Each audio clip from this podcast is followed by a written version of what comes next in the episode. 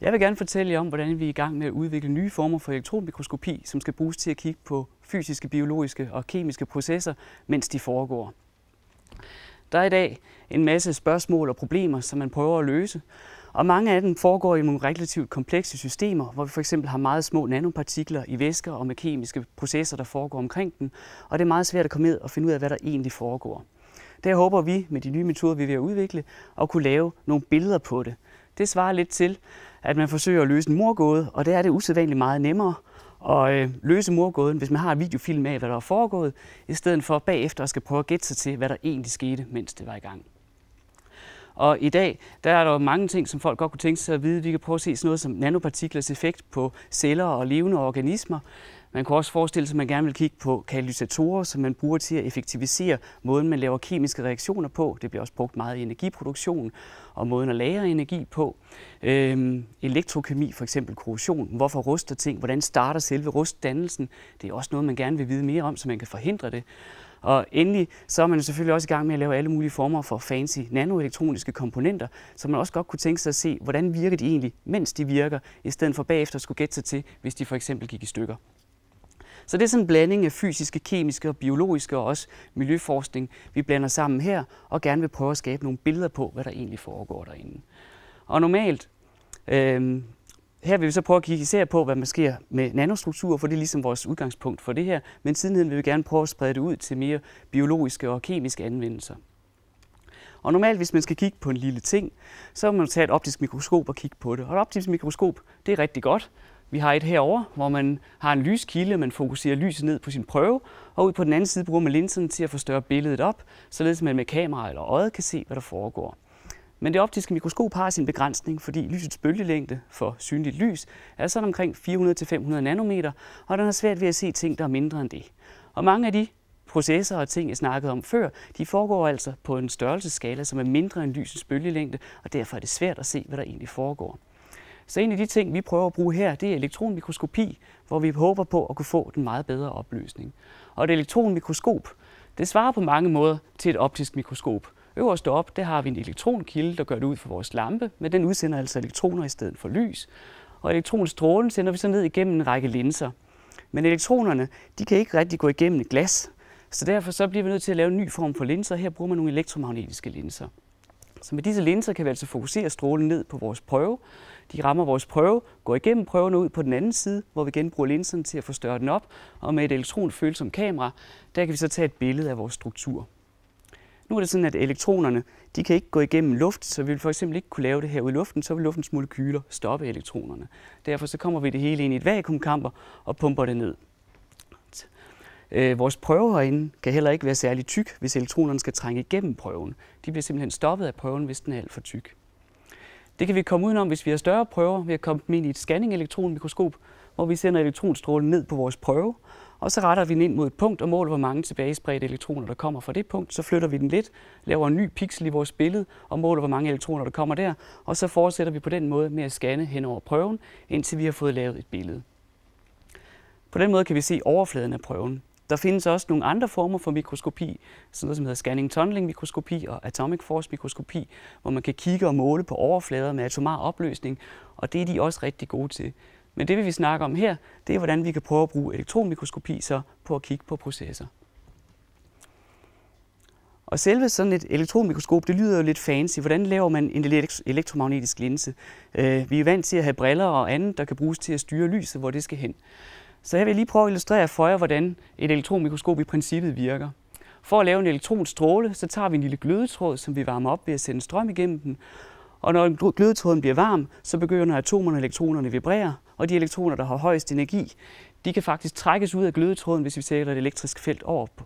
For elektronerne de er negativt ladet, så hvis vi sætter en elektrode ude foran, der er positivt lavet, så tiltrækker vi elektronerne, kan rive den løs af vores glødetråd og over mod metalpladen.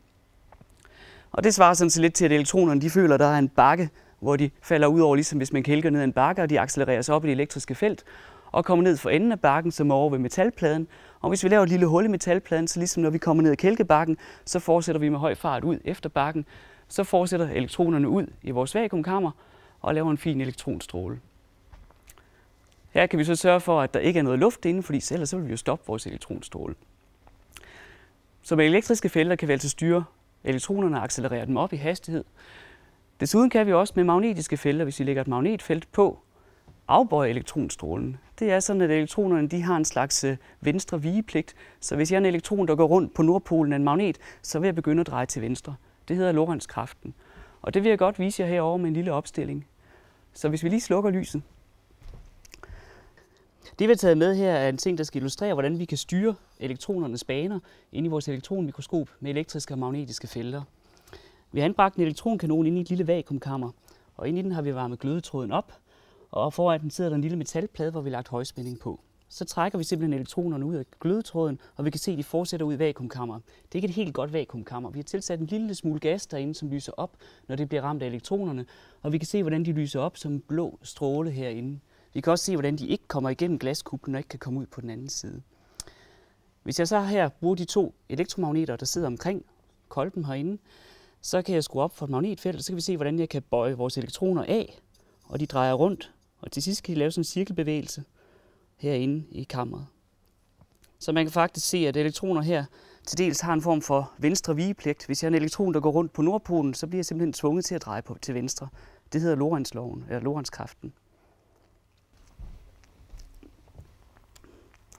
Og inde i elektronmikroskopet, hvis vi for eksempel tager et scanning-elektronmikroskop, der har vi altså vores stråle, der går ned og rammer vores prøve, og vi scanner den hen over prøven, og vi kan sætte ret store ting derind. For eksempel har jeg her kommet en myre ind i den og taget et billede af den.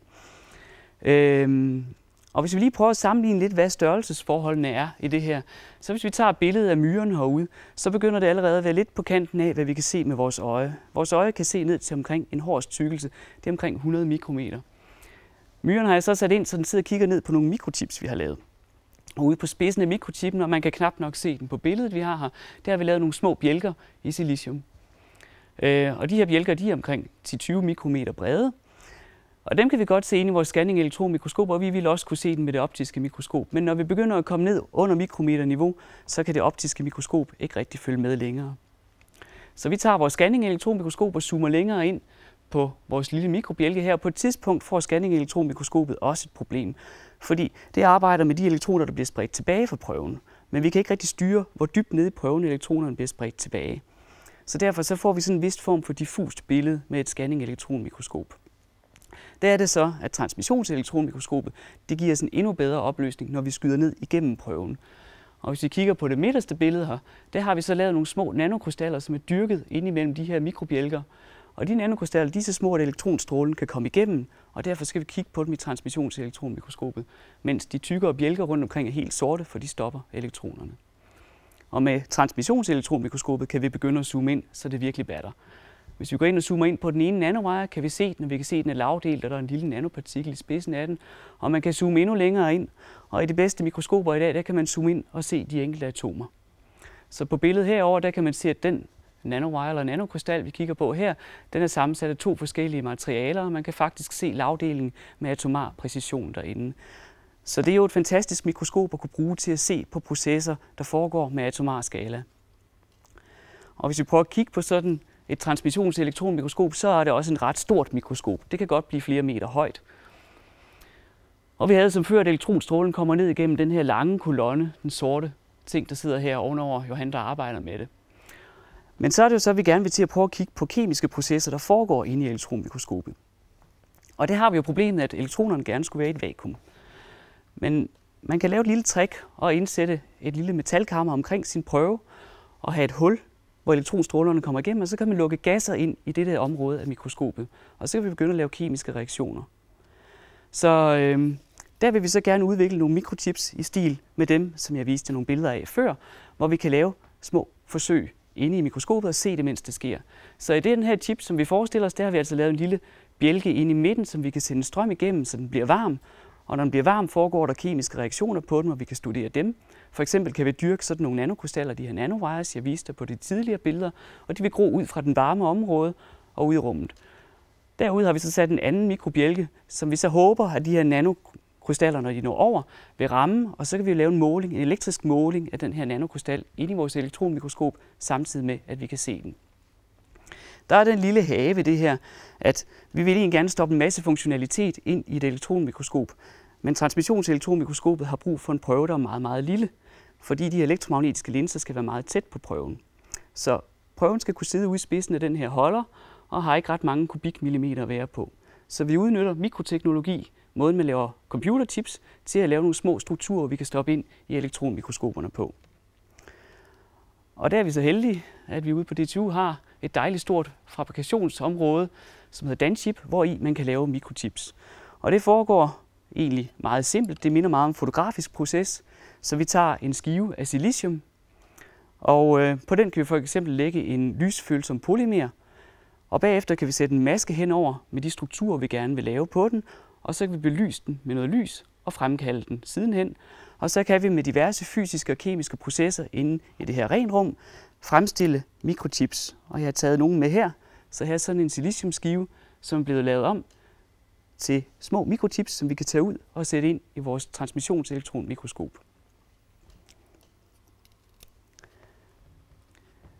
Så vil vi gerne på de her mikroting øh, lave nogle nanostrukturer.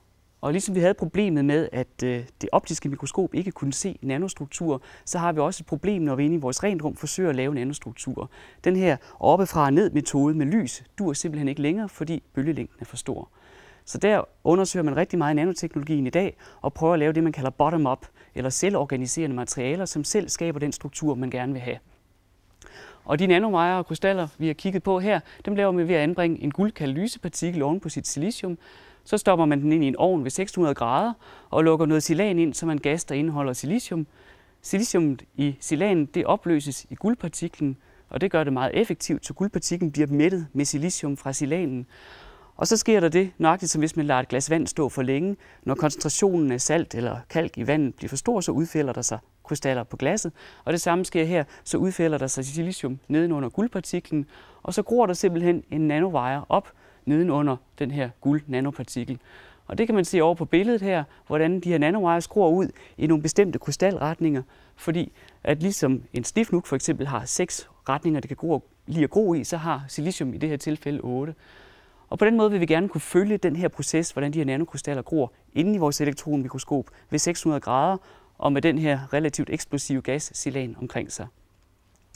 Så der har Christian været i gang med et projekt, hvor han har udviklet de her chips, og så har han taget over til Francis Ross i New York, som har et transmissionselektronmikroskop, hvor man må lukke de her sprængfarlige gasser ind i og udføre de her forsøg. Så inde i midten af elektronmikroskopet kan vi altså komme vores lille mikrochip ind og have elektrisk kontakt til den. Og der varmer de den så op inden, og den lille video her viser en nanowire, der gror guldpartiklen i toppen. Den gror nogle få nanometer i sekundet, sådan som det er lige her. Og på et tidspunkt når den over og rammer den modsatte side og fryser fast til den modsatte bjælke. Og på den måde har vi altså skabt en bro imellem to mikroelektroder inde i vores elektronmikroskop. Og faktisk så er det jo et ganske pænt billede her. Nanowiren er 100 nanometer i diameter, og vi kan jo gå ind med nærmest nanometer præcision og se overgangen mellem guld og silicium, og virkelig begynde at forstå så, hvordan ser den her lille elektroniske komponent ud, og hvordan virker den så. Så vi kan gå ind og måle på den, og vi går ind og her lave en strøm- og spændingkurve af den, og se, hvordan ændrer strømmen, der går igennem den, som funktion af den spænding, vi lægger over den, og kan se, at den her den virker sådan cirka som en diode. Det afhænger meget af, hvordan man laver den, og det er det, vi håber på her, at vi nu kan få meget bedre øh, styr på, ved at kunne se processen og se devicet, netop som vi har lavet det.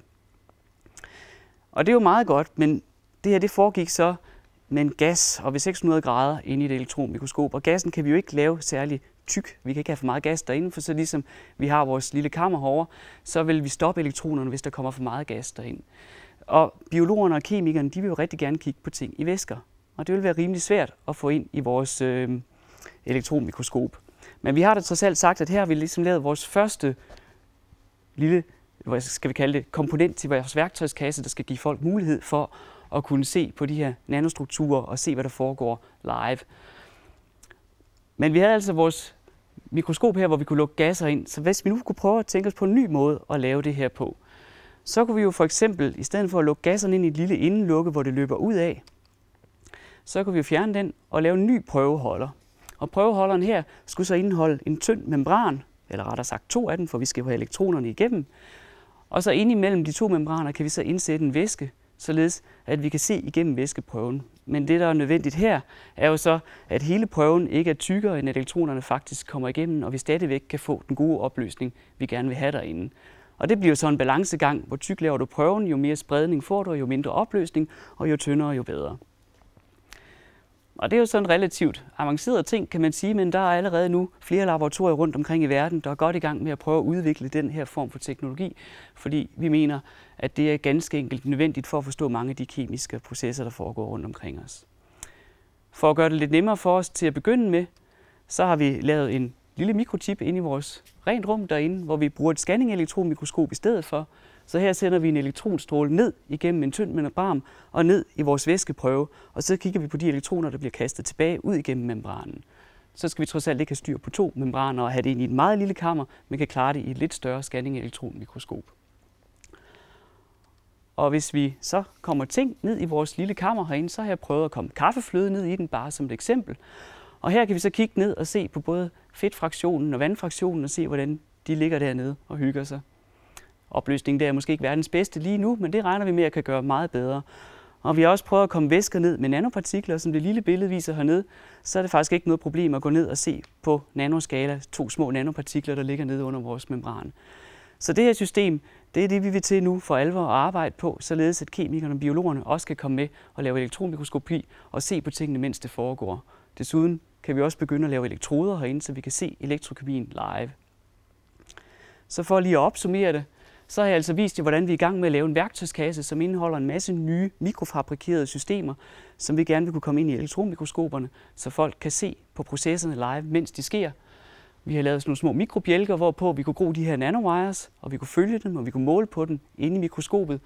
Og endelig så håber vi nu at kunne udvikle det her videre, således at biologerne og kemikerne også kan komme med, og vi kan lave alle mulige former for forsøg i væsker og se på det derinde. Og selvfølgelig skal jeg også sige tak til alle de folk, der har været med i det her, fordi det er bestemt ikke noget, man kan gøre alene. Og især må jeg sige tak til Francis Ross og IBM i Yorktown, der gjorde det muligt for os at lave de her vækstforsøg inde i transmissionselektronmikroskop.